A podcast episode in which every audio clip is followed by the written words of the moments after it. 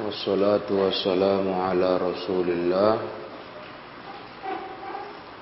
وعلى آله وصحبه ومن والاه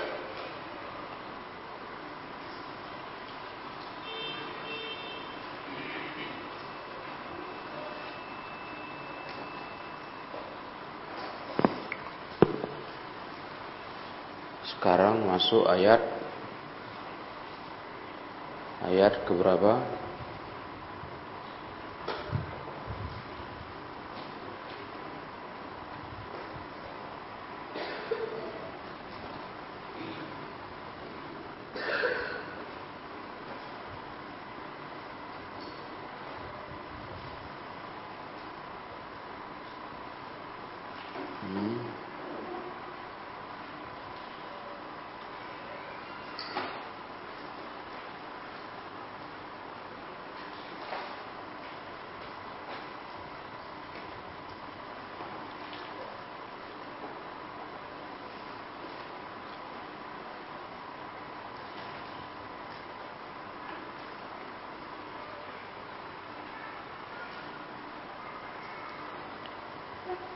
tiga puluh nah, tiga puluh ya.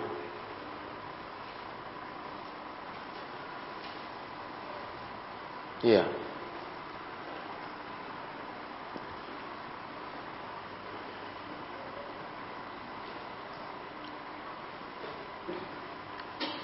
Ayat 29 sudah selesai.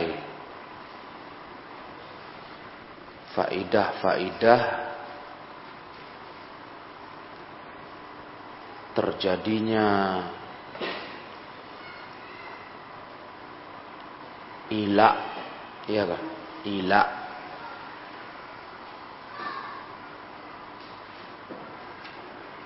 dari Rasulullah kepada para istri.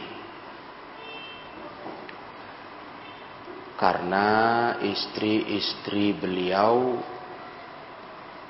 menuntut dunia kepada Nabi.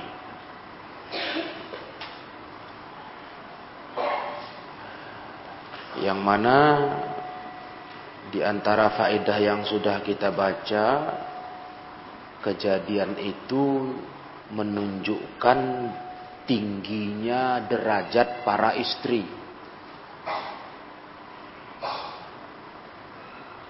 Mereka orang-orang mulia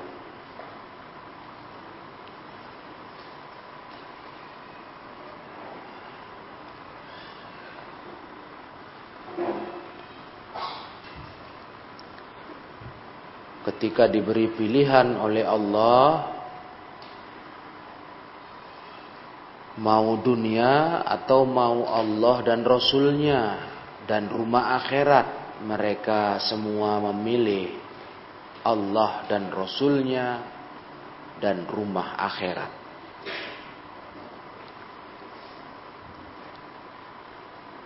Nah kemudian di ayat 30 Allah berfirman Ya nisa an-nabi may ya'ti minkunna bi fahishatin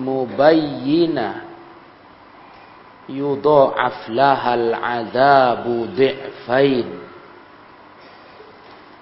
wa kana dzalika 'ala Allah yasira Wahai istri-istri Nabi, siapa yang di antara kalian melakukan perbuatan keji yang nyata, keji yang nyata, artinya terang-terangan maka akan dilipat gandakan untuknya azab Allah dua kali. Di'fain, dua kali lipat.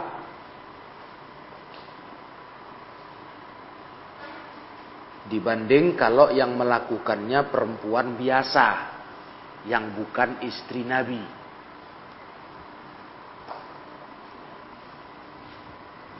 Kalau kalian melakukan dosa keji, nanti kalian akan dilipat gandakan siksanya. Hei istri Nabi. Dan hal itu bagi Allah adalah mudah, gampang.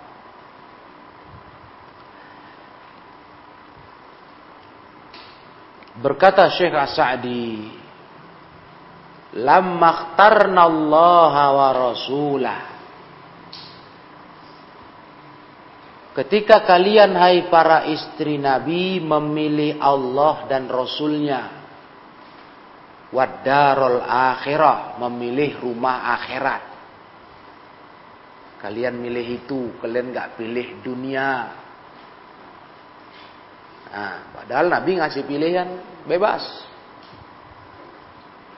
ada paksaan nggak waktu kita baca tafsir yang sebelumnya ada paksaan dari Allah atau dari Rasul bahwasanya mereka harus milih Allah dan Rasulnya dan rumah akhirat. Ada paksaan nggak? Nggak ada. Bebas. Kalian mau dunia, aku kasih kata Nabi. Habis itu ku cerai. Nah, karena Nabi tentu nggak sanggup memenuhi permintaan istrinya terhadap dunia. Karena penyakitnya kalau dunia ini dimintai itu terus kekurangan kita. Artinya ketagihan. Dikasih hari ini, besok minta lagi. Jadi Nabi nggak sanggup. Kan gitu. Kalian mau dunia, umat umat ti'kunna, aku beri kalian. Ingat ayatnya kan? In kuntunna turidnal hayatad dunya fata'alaina umatti'kunna Nah, aku kasih. Tapi setelah itu wa usarrih kunna sarohan jamila. Aku cerai baik-baik. Karena nggak sanggup. Nggak sanggup Nabi. Dunia itu begitu. Nggak cukup-cukup, nggak puas-puas. Dikasih hari ini, minta ini, kasih. Besok minta lagi. Lusa minta lagi. Nah, jadi Nabi nggak sanggup. Yang aku punya sekarang ku kasih. Tapi terus ku cerai. Atau kalian memilih yang kedua. Milih Allah, Rasulnya, dan rumah akhirat. Ternyata para istri milih mana? Milih yang kedua. So, nah, ketika kalian memilih Allah dan Rasulnya dan rumah akhirat Ya. Berarti kan pilihannya pas, pilihannya mantap. Pilihannya hebat. Nah, Zakara mudha'afata ajrihinna. Allah sebutkan pahalanya para istri Nabi itu mudha'afa, berlipat-lipat. Kalau milih akhirat, milih Allah, milih Rasul, itu pahalanya berlipat-lipat. Betul, pahalanya berlipat-lipat. Iya. Tapi ingat, bukan hanya pahalanya berlipat-lipat. Karena kalian hai para istri adalah orang hebat. Berarti kan orang hebat. Bisa milih Allah, bisa milih Rasul dan rumah akhirat. Enggak milih dunia. Berarti orang hebat kan gitu. Orang hebat kalau buat dosa maka hukumannya pun berlipat-lipat. Lihat nih. Wa mudha'afata wizrihinna wa ismihinna. Allah kabarkan pahala ah, dosanya kalian pun dosa kalian hai para istri pun berlipat-lipat. Karena kalian orang hebat. Jadi kalau istilahnya kalau orang biasa buat salah, orang biasa Misalnya dihukum, orang biasa buat salah satu, dihukum satu misalnya. Tapi kalau orang hebat buat salah, dihukum dua, dilipat gandakan. Karena dia orang hebat. Kok orang hebat kok buat dosa gitu. Paham tuh? Nah, kalau orang biasa sih maklum lah. Memang nggak ada pangkatnya kan gitu, nggak ada kelas, nggak berkelas, nggak berpangkat. Tapi kalau orang berpangkat istimewa kayak istri Nabi, kalau buat dosa, maka nilai dosa itu berlipat-lipat salahnya. Lau jaromin hunna. Kalau itu terjadi di antara para istri Nabi.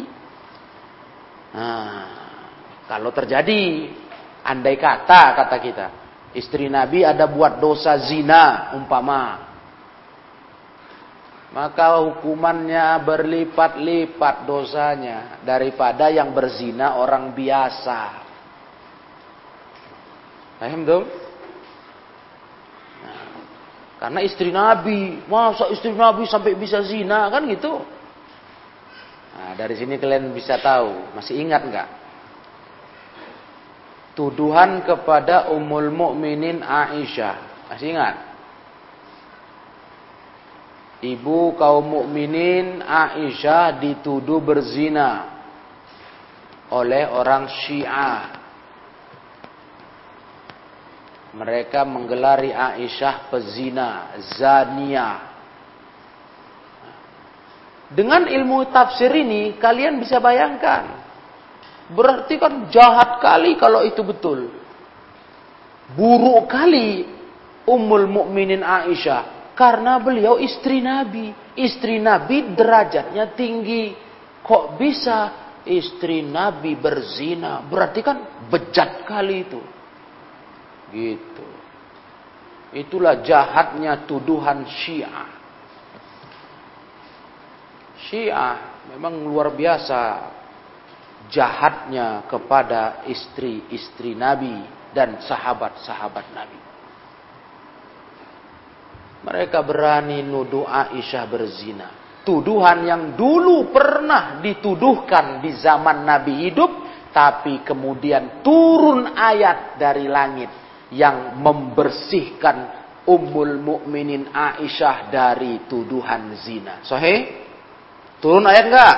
Turun ayat yang menyatakan Aisyah nggak berzina. Allah yang berkata. Tapi bandal kali Syiah. Masih sekarang sampai sekarang tetap kalau bilang Aisyah Ummul Mukminin pezina, pelacur.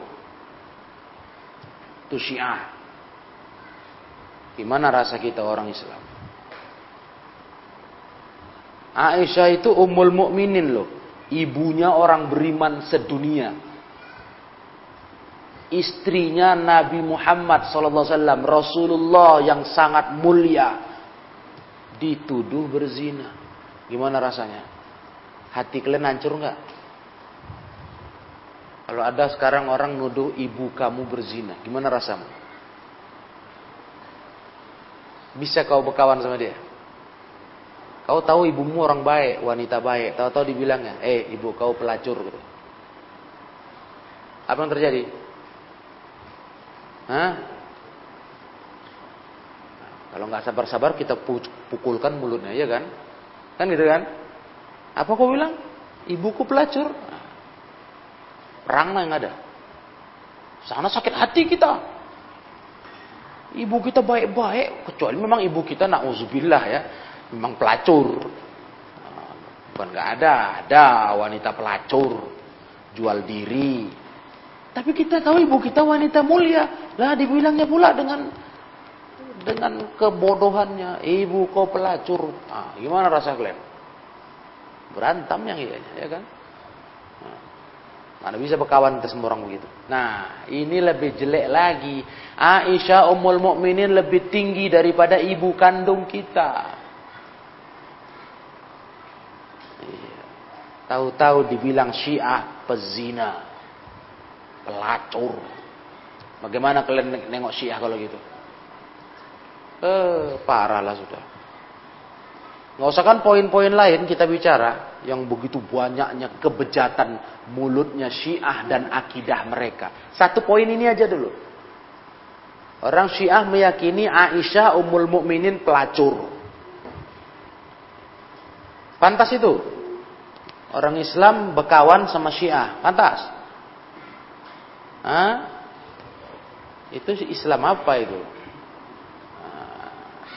Jadi Syiah ini memang Nauzubillah ya. Ajaran yang sangat sesat, ajaran yang sangat jelek, ya, yang bahkan mereka tidak dimasukkan ke dalam golongan kelompok-kelompok Islam. Nah, nah ini ayat menunjukkan itu. Lihat kata Allah, kalau kalian yang buat dosa keji, nanti kalian dilipat gandakan siksanya hai istri Nabi karena kalian orang hebat. Ya, istilahnya kalau kayak kerajaan di satu negara ini permaisuri, permaisuri istri raja, ya kan? Kalau di atau istri presiden kalau di negara sekarang ini. Istri presiden, istri raja, istri perdana menteri, itu kan pemimpin negara semua itu. Raja, kalau kerajaan bentuk negaranya. Ah, atau presiden, atau perdana menteri. Ah, dibilang istrinya pelacur. Gimana coba? Ah. Dan kalau betul istri orang-orang itu, raja, presiden, perdana menteri menjadi pelacur, tentu sangat menjijikkan lah. Masa istri presiden Wah, misalnya gitu lah kan. Jelek kali betul lah. Jahat kali betul. Jorok, kotor. Wanita jelek itu. Karena dia orang hebat. Jadi kalau orang hebat buat dosa, nilainya lebih, lebih besar. Lebih besar. Nah, sebandinglah. Nah, ini nasihat untuk kita. Sebanding itu sama orang berilmu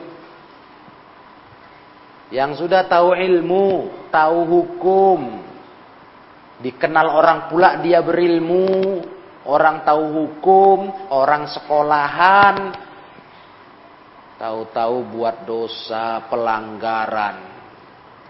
Bayangkan kalian, macam kalian lah, orang kenal kalian, kalian belajar agama, mondok, belajar Quran, belajar hadis, udah pula jadi ustadz Eh, tahu-tahu buat dosa misalnya berjudi, ketangkap berjudi, togel, umpama ini. Gimana coba kira-kira? Hujatan manusia ke kalian lebih besar daripada kalau yang berjudi tadi orang-orang biasa.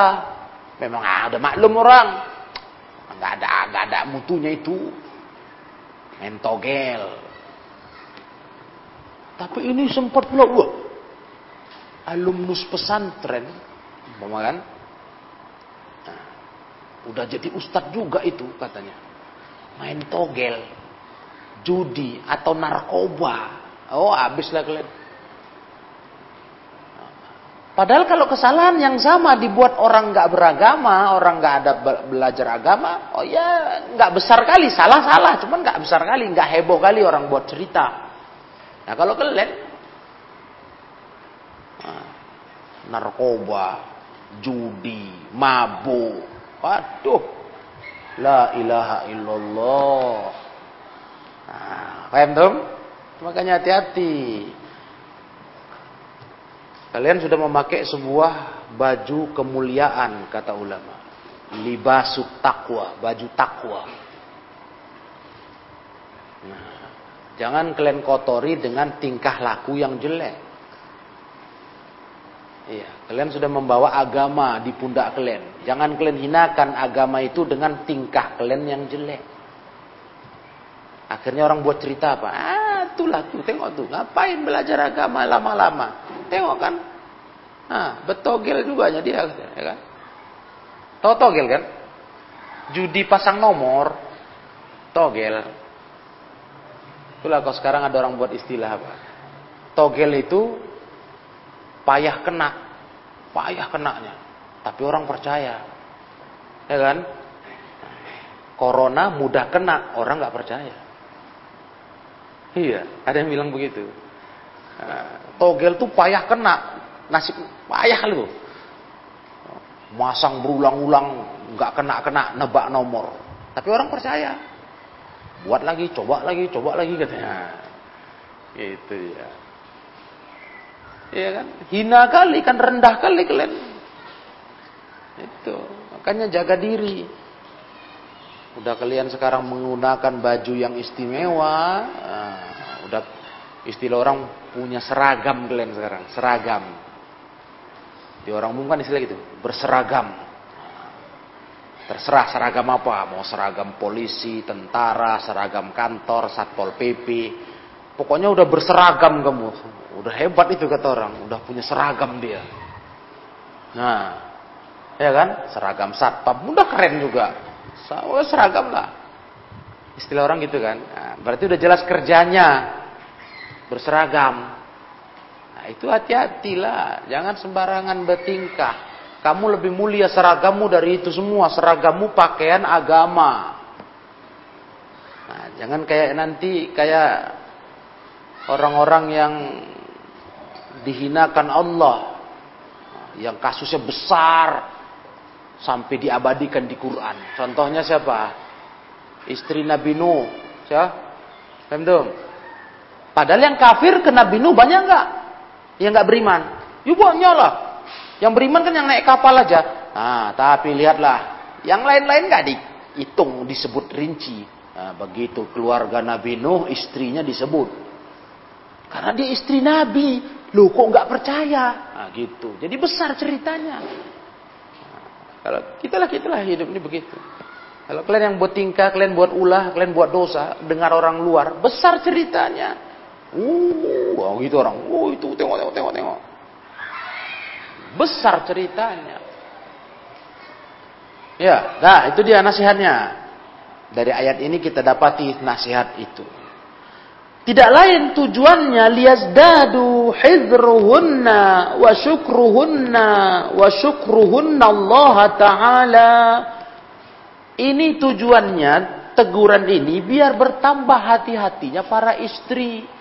Biar tambah hati-hati keberhati-hatian mereka. Bertambah syukur mereka ke Allah. Syukur kami wanita-wanita mulia, kami wanita pilihan, wanita istimewa. Ah, hati-hatilah jangan langgar dosa. Gitu. Ayat ini tujuannya itu. Biar istri Nabi tambah hati-hati kalau bertingkah, kalau berbuat. Nah, hati, ingat Iya, ingat diri, kalian bukan orang biasa, kalian istri Nabi, ya, gitu. Ya, sama kayak kalian talibul ilm. Ingat, janganlah kalian tinggalkan sholat, malas sholat, payah pula disuruh sholat, kalian santri. Masa sholat yang paling pertama, amalan pertama yang tiang agama pun masih perlu di marah-marahi kan gitu nah, nyambung itu. Nah, kalau orang anak sekolah umum nggak sholat biasa. Memang nggak tahu agama nggak tahu ilmu. Lah kalau kelek mondok. Mondoknya pondok salaf pula itu paham salaf kan itu bukan modern kalau modern nah mondok apa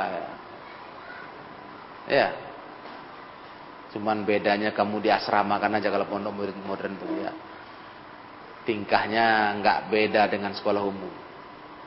Ya, cuman diasramakan. Ah, kegiatan belajarnya nggak beda sama.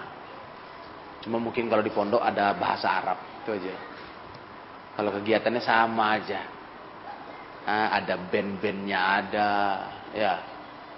Ah, pokoknya nauzubillah lah sudah. Kalau itu, ya mungkin orang agak maklum juga lah. Karena nggak terlalu soleh nampaknya ya kan. Kalau kalian ngaji mondok di pesantren berpaham salah, itu soleh itu.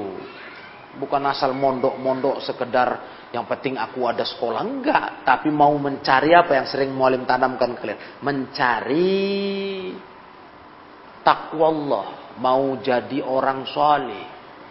Targetnya itu. Kalau orang mondok banyak bukan cari target itu, dia mau cari apa dengan mondok? Nah, cari ijazah juga biar bisa sekolah kuliah nanti bisa kerja. Kalau ini di sini kan tidak. Oh, tinggi kali ini nilainya di sini. Kamu sekolah mondok ini bukan mau cari ijazah biar kuliah enggak. Mau jadi orang soleh, orang tahu agama, tahu perintah Allah diamalkan, larangan ditinggalkan.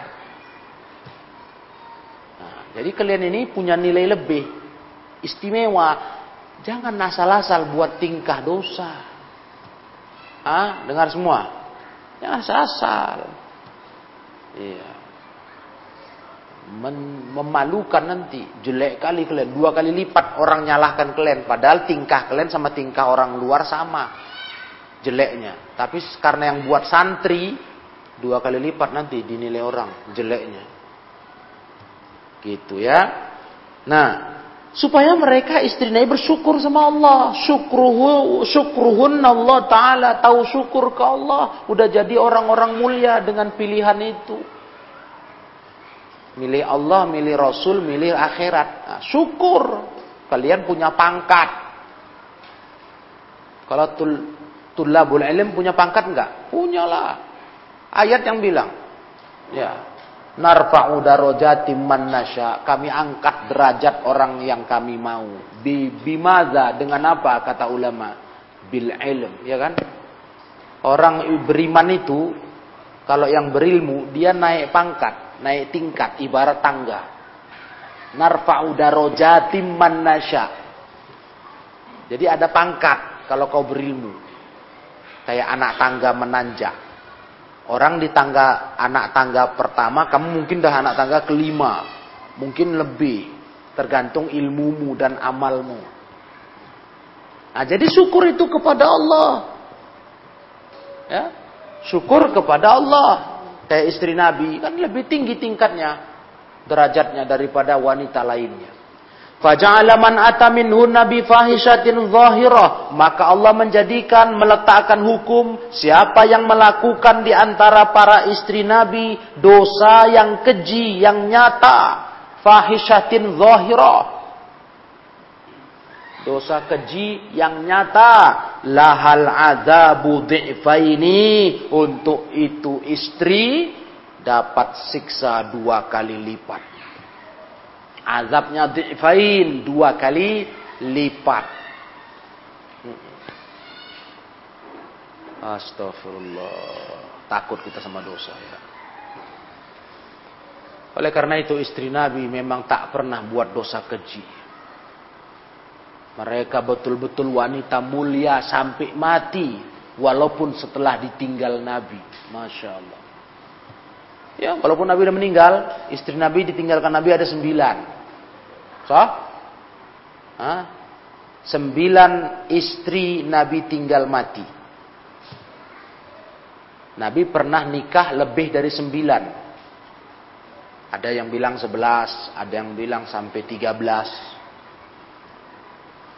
Tapi yang positif, Nabi meninggal dunia meninggalkan sembilan istri. Sembilan-sembilan istri Nabi ini sampai mereka mati walaupun Nabi duluan mati. Mereka memang orang-orang mulia tak pernah buat dosa keji. Hmm. Dan salah satu kebiasaan istri Nabi setelah Nabi wafat adalah apa? Melanjutkan kebiasaan mereka sewaktu Nabi hidup. Yaitu beriktikaf. Makanya istri Nabi sampai meninggal semuanya wanita mulia, nggak ada yang ngulah, berubah walaupun Nabi meninggal, nggak ada. Baik semua, ummahatul mukminin semua. Ibu orang beriman, semuanya. Itu istri Nabi. Nah, karena kalau mereka berani buat dosa keji, azabnya dua kali lipat, ini ayatnya. Dan mereka nggak ada. Sehingga ketika tuduhan dusta Aisyah berzina dengan sahabat itu tuduhan yang sangat jahat, sangat jahat, kotor dari mulutnya kaum Syiah. Dulu dari mulutnya munafikun. Paham Siapa dulu yang menyebar berita Aisyah berzina? Munafikun. Juru fitnah di kota Madinah orang munafik.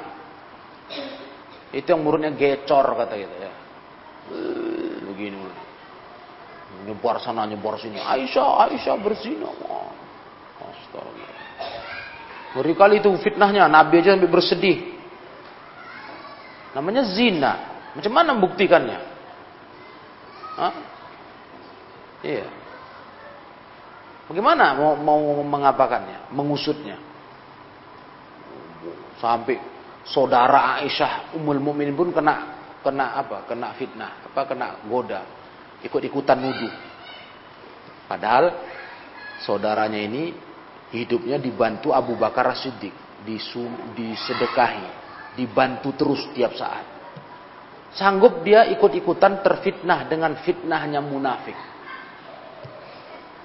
Nah, ngeri itu waktu itu, oh, ngeri suasananya. Geger kota Madinah.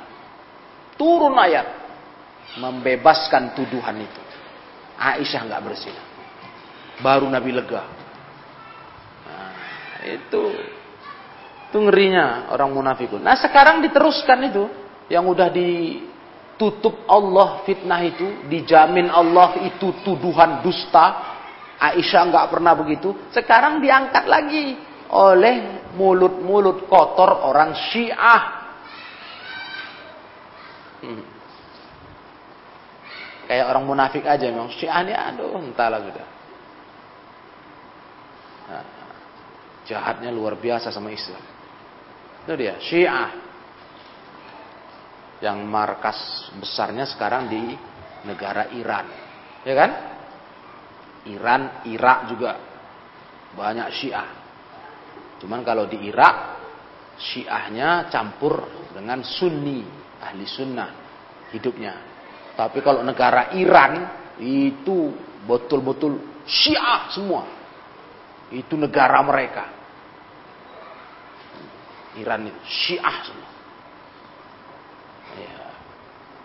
Dengan keyakinan yang tadi kita baca. Kalau bicara sahabat, habislah sudah. Habislah sudah. Aisyah berzina, Abu Bakar, Umar berhala. Ya. Sonamai Quraisy ya kan? Dua berhala Quraisy dibuatkan doa-doa melaknatnya. Kalau kita pagi sore doa dengan zikir-zikir yang indah. Kalau mereka pagi sore harus berdoa yang isinya laknat Allah atas Abu Bakar dan Umar. Zikir pagi sorenya kayak gitu. Syiah itu hmm. pokoknya jahat kali lah sudah Nah, Jadi makanya kalian biar tahu Istri Nabi tak ada seperti dituduhkan orang Syiah, Syiah itu. Nah. Nah, kemudian ayat 31, "Wa may yaqnut minkunna lillahi wa rasuli."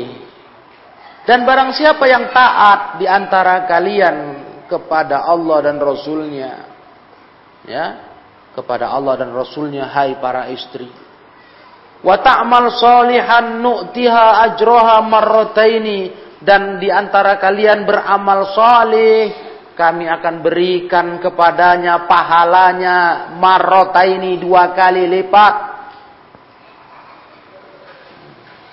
Dua kali lipat.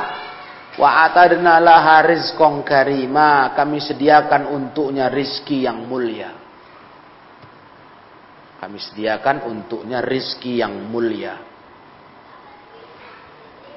Mahfum? Itu jaminan Allah kepada istri Nabi. Kalau buat dosa, dosanya azabnya dua kali lipat. Kalau buat pahala juga dua kali lipat. Kalau buat amal baik. Karena mereka orang mulia, orang hebat. Kalau orang hebat buat kebaikan dikasih pahala dua kali lipat. Sama kayak dia buat kejelekan, dihukum dua kali lipat, dinilai dua kali lipat. Ya. Contohnya gimana orang hebat buat buat kebaikan nilainya pun besar. Ada orang hebat. Namanya terkenal. Datang dia ke masyarakat. Masuk gang wakaf. Hah? Bamai, masuk gang wakaf. Berhenti dia di lapangan kita. Dia bagi-bagi satu orang satu kotak Indomie. Satu orang bagi satu kotak Indomie loh. Bukan satu kotak emas. Indomie. Tentu ceritanya luar biasa. Oh, Pak Bapak Fulan si Anu. Wah, bagi-bagi makanan. Wah, besar ceritanya, ya kan? Besar. Nah, padahal sekotak Indomie paling-paling 40 ribu. Ya kan? Paling-paling itu. 40 ribu. Tentu ceritanya besar karena dia orang hebat. Nilai kebaikannya besar. Geger, masuk koran. Masuk TV. Wah, bapak ini bagi sembako. Di gang wakaf. Santri dapat satu orang satu kotak Indomie. Wah, bisa stok dua bulan itu. Ya, makannya setengah-setengah. Sebungkus bagi dua. Ya kalau sebungkus satu isinya 40, nggak cukup lah dua bulan. Kalau mulai bilang stok dua bulan makannya sebungkus bagi dua. Coba kalau kalian, kalian lah dulu. Buat di lapangan tuh, bagi-bagi duit dan sembako. Tambah duit lagi, dia sembako, kalian tambah duit. Satu kepala kasih 100 ribu. Nah, kasihkan Indomie sekotak.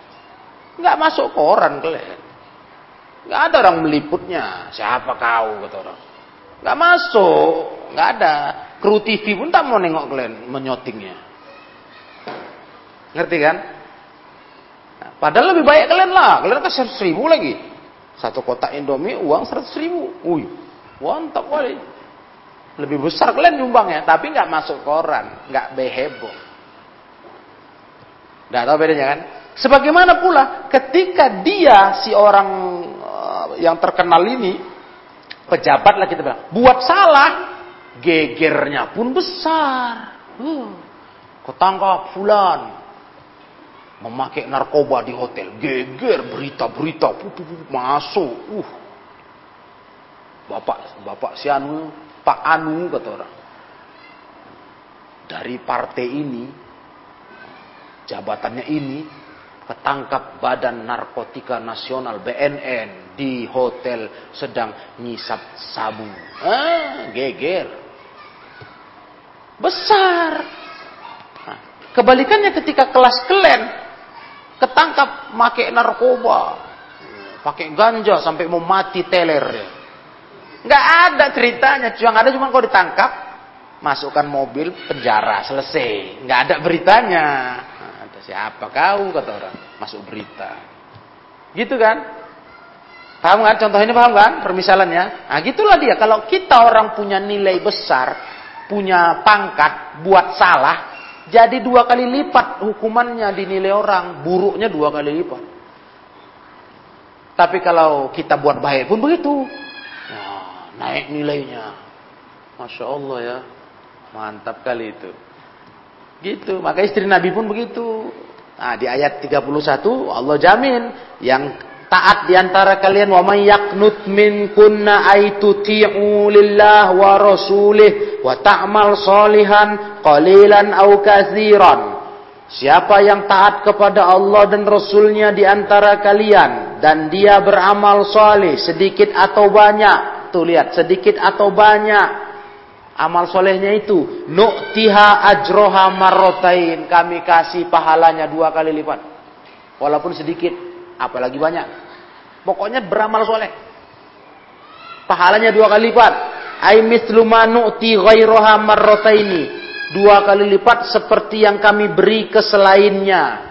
Nah, orang lain satu kali lipat aja dikasih pahala. Kalau istri Nabi dua kali lipat karena orang hebat. Dalam hal taat begitu. Makanya di hal maksiat pun imbang. Jangan macam-macam. Besar ceritanya nanti, ya kan? Besar. Hmm. Iya. Walaupun dia pakai sabunya sikit, ketangkap sama badan narkotika di hotel. Dia pejabat. Cuman makanya cuman sikit ya satu gram. Beritanya heboh se-Indonesia. Iya, ada pun orang yang pakai narkoba walaupun banyak, walaupun dia bahkan menjualnya menjadi agennya karena dia nggak orang terkenal, beritanya lah habis hilang aja. Ya kan? Celaan orang pun nggak hebat, nggak heboh. Kalau ini kan heboh, wih, percuma pejabat, nah, percuma katanya orang baik, nah, kan gitu. Itu bahasa orang nanti. Kok pakai narkoba? Ah, macam kalian lah, percuma santri, mulutnya kotor. Eh, itu tadi. Nah, kalau kalian tadi nggak santri, kalian maki orang, kalian cakap kotor, nggak apa-apa sama orang. Biasa. Memang mulut anak sekarang begitu. Tiba di santri, oh heboh. Percuma belajar agama, nggak tahu sopan santun. Nggak tahu sopan santun, kata orang. Kena lah kalian. Jadi besar. Padahal orang lain, anak lain, supaya kalian buat itu nggak apa-apa. Biasa aja semua orang. Maklum. Cuma orang geleng-geleng kepala aja. Nggak ada adab dalam hati orang. Begitu kalian yang buat. Oh geger. Paham tuh? Gitu memang udah menjadi sunnatullah itu. Udah biasa itu. Makanya kita jaga-jaga. Begitu kita sekarang punya pangkat. Pangkat kita pangkat ilmu Hati-hati bertindak, hati-hati berbuat, hati-hati cakap. Jaga betul-betul kehormatan diri, ya. Jangan urakan apa urakan itu? Itu bahasa terkenal. Urakan, tingkahnya urakan kata orang. Tahu kalian urakan? Berantakan, sembarangan. Urakan tuh asal-asalan. Itu istilah di Jawa biasa itu. Urakan anaknya urakan gitu. Itu berantakan asal-asalan, nggak punya etika, tata kerama, sopan santun. Kalau kata orang Medan, cakapnya berselemak. Ya. Mulutnya berselemak. Ngomongnya asal-asal. Nah, janganlah. Kalian punya pangkat. Gak bisa tidak. Kalian punya pangkat. Pangkat ilmu narfa'u darajatim nasya kami angkat derajat orang yang kami mau kata Allah. Itulah dengan ilmu. Nah, itu begitu. Wa a'tadna laha rizqan karima. Kami sediakan untuknya rizki yang mulia untuk istri Nabi yang mau yang betul-betul mau beramal soleh itu. Apa itu rizki yang mulia? Ya'nil jannah. Nah, itulah surga. Itu yang kita harap. Makanya kita pun begitulah mudah-mudahan mau kalian susah-susah nahan selera, nahan godaan nafsu, nahan nahan malas, jangan malas, beragama jangan apa namanya merasa capek, jangan jenuh, bosan. Nah, kalau sama dosa jangan kalah selera, jangan kalah nafsu. Untuk apa kita berbuat itu? Untuk surga. Kita mau surga. Kalau ada orang tanya, kok kok mau kok kayak gini kok? Kau kan masih remaja. Remaja tuh hidupnya tengok kawan-kawan kau tuh bebas. Happy happy. Senang sana, senang sini. Kan itu. Nah, kau ini ala masih anak remaja, udah kayak Pak Haji 60 tahun. Longor katanya. Kan bilang longor tuh kayak kalian nih. Kalau anak muda kan nggak gini gayanya. Oh, bajunya agak koyak-koyak dikit ya kan? Kasih kuping anting-anting kalau gini macam Pak Haji 60 tahun kok pakai lobe. Bajunya keloyor-keloyor. Gamis kan? Keloyor-keloyor. Nggak ada ketak-ketak bentuk body. Kayak anak Pak Haji 60 tahun kau. Orang akan bilang begitu. Ya. Malu bilang lewatin masa kalian dibilangin gitu. Udah. Ejekan tuh biasa itu naik angkot kita. Oh, Pak Haji kecil nih gitu. Ah, iya, mudah-mudahan. Betul kan? Kau belum pernah haji, aku udah haji ya. Tahu kau? Berkah doa kau juga itu. Ya kan? Dulu dihina betul kita, diketawai. Mana pula mau anak muda kayak gini? Anak muda tuh dunianya dunia merdeka, hura-hura. Nanti kalau udah tua baru jadi orang baik. Pikirnya umur dia ngatur. Kalau bisa gitu malah masih mau hura-hura. Belum 60, Hmm. Cuma rupanya mam, besok mampus mati udah. Iya, bodoh kali hidup nih kayak gitu. Memang kita ngatur umur. Kalau bisa ngatur umur betul lah. Nanti dalam 60 tahun tobat kita. Hmm. Nggak gitulah. Kita ini nggak tahu ajal kita matinya kapan nggak tahu. Dah, paham kalian? Jadi kalian paham ini ayat ini. Kami mau cari surga. Allah janji nu'tiha a'tadna laha rizqan karima kami kasih surga, rizki yang mulia itu surga. Jadi kalau kalian digoda setan, digoda orang, ngapain kau gini? Kami mau surga. Kau nggak mau, kau bilang. Kami mau surga, kami takut neraka. Kau nggak takut? Gitu. Kami mau surga. Sama kayak kau kerja mati-matian. Mau apa? Mau kaya kau kan? Kau kerja mati-matian kau. Kadang-kadang dihina-hina orang kok, biar aja, yang penting aku kerja. Dibentak-bentak orang, dimaki-maki, eh, ngeri loh kalau jadi buruh itu, tuh kalian. Jangan salah kalian. Buruh pabrik sama tokinya, buruh pegawai-pegawai apa toko-toko gitu. Itu sama tokinya, eh, kau dimaki-maki. Ngeri-ngeri mulutnya itu. Toke-toke bos-bos Cina itu. Tapi mau mereka sabar, ya, ya. Kenapa? Mau cari duit, mau makan, mau kaya. Pokoknya pokok mau cari duit lah. Biarlah aku dihina, diperintah-perintah. Bilang sama dia, kau sabar kan? Kenapa kami nggak bisa sabar dengan jalan ini? Kalau kau cari dunia, kau cari harta, kami cari surga. Dah, nggak usah komentar lagi bilang, jalani aja masing-masing. Itu jawabannya. Orang tanya, tanya nanti kalian. Atau setan menggoda kalian. Mau cari apa kau? Kata setan di kupingmu. Ngapain kau gini? Aku mau surga. Surga itu mahal. Bisa? Bisa paham ini? Nah, untuk apa kau belajar? Untuk apa? Aku mau surga. Aku takut neraka. Neraka tuh panas. Nah, panasnya wuh, 69 kali lipat dari api dunia. Tahu kau? Gitu. Udah tahu, tahu jawabannya kan? Kenapa kita mau begini? Mau surga kita, bukan mau apa-apa. Ya. Maka faqanatunna Allah faqanatunna lillahi wa rasuli wa amilna salihan fa'ulima bidzalika ajrahunna. Fa'ulima bidzalika ajruhunna. Faqanatna lillahi wa rasuli. Qanatna, yakni uh, domir mereka, antunna. Ya, hunna hunna bukan antunna hunna. Maka mereka taat kepada Allah dan Rasulnya. Wa amilna solihan. Dan beramal yang solih.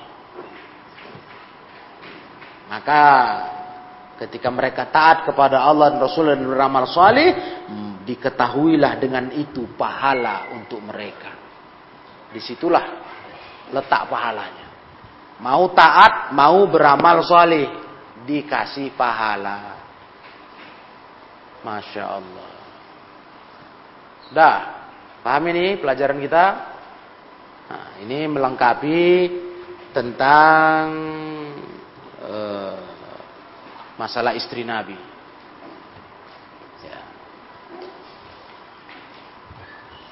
Belum selesai sih masih, masih ada ayat 32, tapi nantilah kita baca itu, pelajaran yang akan datang. Rangkaiannya masih ada. Ayat 32 masih tentang istri Nabi sampai ayat 34. Itu tentang istri Nabi. Surah Al-Ahzab. Ya. Ah, insya Allah nanti kita baca pada pelajaran yang akan datang.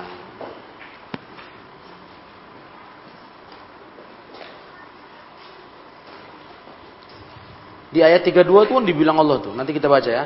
Ya nisa an nabi lastunna ka ahadim minan nisa.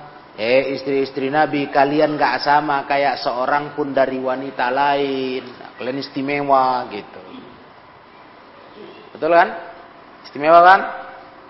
Kalian gak sama lastunna, kalian tidak sama ka ahadim minan nisa seperti seorang pun wanita lain. Istri Nabi itu wanita hebat. Jadi cerita kemarin mereka di kisah kemarin bertingkah, ya itu wajar lah, namanya manusia. Istri Nabi kan nggak malaikat, manusia nggak. Ummahatul mukminin manusia. Dan tabiat wanita begitu, wanita tuh suka kali sama harta. Itu tabiat perempuan. Selaki-laki nggak suka, suka, tapi perempuan punya nilai lebih godaan sama harta tuh wanita tuh apalagi nengok tetangga nah, itu kita belajar kemarin tuh nengok tetangga ah, punya. Wih bergolak dadanya. Mau kepingin kepingin. Ya. itulah wanita begitu. Tabiat itu. Tabiat. Makanya kalau bawa istri punya istri ya akhwat nah, kalau suka bertandang jalan-jalan ke rumah orang miskin aja. Datang ke sana bawakan makanan. Nah, biar tahu syukur hidup. Kalau ke rumah orang kaya, nah, pulang pening dia. Nah, pening dia. Terbayang dia, uh, lapang kali rumahnya, besar kamarnya. Nah, sesak otaknya, kepingin kayak gitu. Tengok dapurnya lengkap alatnya. Nah, pisaunya 14 macam. Awak semacam tumpul gitu. Iya, ialah di rumah orang kaya kau tengok pisaunya itu satu set 14 biji besar sampai kecil. Kau di rumah kau pisau karter tumpul. Pening dia. Peningnya bukan ke mana-mana. Barulah suaminya disenggolnya. Ah. Beli apa? Nah itu dia. Perempuan begitu. Nah, makanya nggak usah bawa jalan-jalan ke rumah orang kaya. Bawa ke rumah orang miskin. Nah, biar tahu syukur dia. Bawa dia ke gubuk derita. Oh, bawa makanan, bawa roti, bilang, bawa, bawa apa makanan-makanan. Nah, tengok jumpai rumah kawan kita tuh. Nah, tengok tuh. Nah, dia aja bisa hidup dengan senyum-senyum, ketawa gembira. Nah, gitu. Ya kan? Orang kaya payah. Dibahas ya di rumah itu. Bahas ya semua. Ini dapurnya, tempat tidurnya. Itulah wanita. Ya. Jadi istri Nabi wanita enggak? Wanita. Jadi maklumlah kalau dia pernah ngulah, pernah minta macam-macam sama Nabi. Apalagi Nabi, wow, Nabi pemimpin, pemimpin dunia, raja, istilah orang. Masa nggak bisa menyediakan kemewahan istri? Cuman Nabi kan nggak mau begitu. Nabi walaupun seorang pemimpin raja, ya, ibarat raja kalau di pemerintahan, tapi Nabi nggak mau memperkaya diri. Nabi sederhana. Isi rumahnya sederhana. Gitu. Jadi wanita datang tabiatnya mulai bertingkah. Nah, tapi kemudian turun nasihat, disuruh pilih. Mereka milih Allah dan Rasulnya dan rumah akhirat. Ya, ya, akhwat dengar itu. Nah, jadi jangan dituruti tabiat itu selera boleh tengok-tengok lah tengok-tengok keadaan tengok-tengok kemampuan ya kan nah tengok-tengok lah nah, sama andai kata pun mampu nih andai kata nih mau menasihati ya mampunya kamu wahai perempuan mampu ada uangmu atau kaya suamimu ada duit bisa bisa Cuman tengok-tengoklah kondisi. Mungkin nggak itu dibeli. Hah, mungkin nggak dibeli. Dia pergi ke rumah orang kaya, dia tengok di ruang tamu rumah orang kaya ada lemari hias. Kalau diukur meternya, lebarnya 4 meter. lemari hias untuk gelas-gelas itu, tahu kalian ya? Di ruang tamu biasanya itu. 4 meter. 4 meter tuh lebar loh. Lebarnya 4 meter. Kalau tebal rata-rata sama lemari. Ini lebar. Nah, kalau dipikir harganya bisa kau beli, bisa ada duit. Tapi tunggu dulu, jangan sur-sur aja diikutin. Aku pengen kali, bilang Mas Omi. Bang, aku pengen kali lemari kayak rumah dia itu bang. Mantap kali ya, 4 meter. Sebentar, nanti kau beli taruh mana? Rumah kau aja 3 meter. Mau kau mau kau bengkokkan lemari itu? Hah? Kayak rotan apa? Mau kau potong gergaji? Rumah kau, ruang tamu kita 3 meter. Itu lemari 4 meter. Sisanya ke mana? Kan gitu itu. Berpikir kau dulu. Nah, jangan sur-sur aku ada duit nih. Jangan. Tengok dulu rumah kau. Rumah dia ruang tamunya 10 meter. Ya betul lah 4 meter ditaruh lemari cocok. Lah kalau kita ditaruh ruang kita 3 meter taruh lemari 4 meter. Sisanya taruh mana? Ruang tamunya 3 meter cuman. Lemari mau dibeli 4 meter. Nah, gimana taruhnya? Kan gitu kan. Itulah otaknya dipakai. Jangan suruh-suruh aja, aku pur suruh kali. Nah, janganlah, rumah kita masih 3 meter bilang. Jangan kau beli yang 4 meter. Memang cantik itu, cantik kan, besar, gagah di ruang tamu. Tapi ruang tamu kita enggak kayak dia punya. Di rumah dia tuh ruang tamunya 10 meter. Paling enggak 7 meter, wah mantap lah. Kena lemari 4 meter. Lah ruang tamu kita 3 meter, tuh coba lemari santri bilang. Segitu aja. Ya kan? Jangan beli lemari 4 meter. Wow, di mana ndak ditaruh? Nah, gitu hidup nih. Semua diukur-ukur. Selera boleh, oh selera boleh. Cuman selera pakai akal sehat. Paham Ngerti? Ini akhwat nih, nah, tabiat wanita. Nah, ya, gitu ya. Jangan, jangan asal-asal. Apalagi nanti suaminya dituntut, dikejar-kejar tuntut-tuntutnya stres suaminya. Nah, ya, pokoknya harus ada ini, harus bisa ini, ganti ini, beli ini. Wih, wih. Ini wanita yang tidak tahu syukur kepada pemberian suaminya. Ya sudah. Ingat ya, kita lanjutkan nanti ayat 32 insya Allah. Pelajaran yang akan datang. Ilahuna wallahu alam bisawab. Subhanakallahumma wa bihamdika Ashhadu an la ilaha illa anta astaghfiruka wa atubu ilaik walhamdulillahi rabbil alamin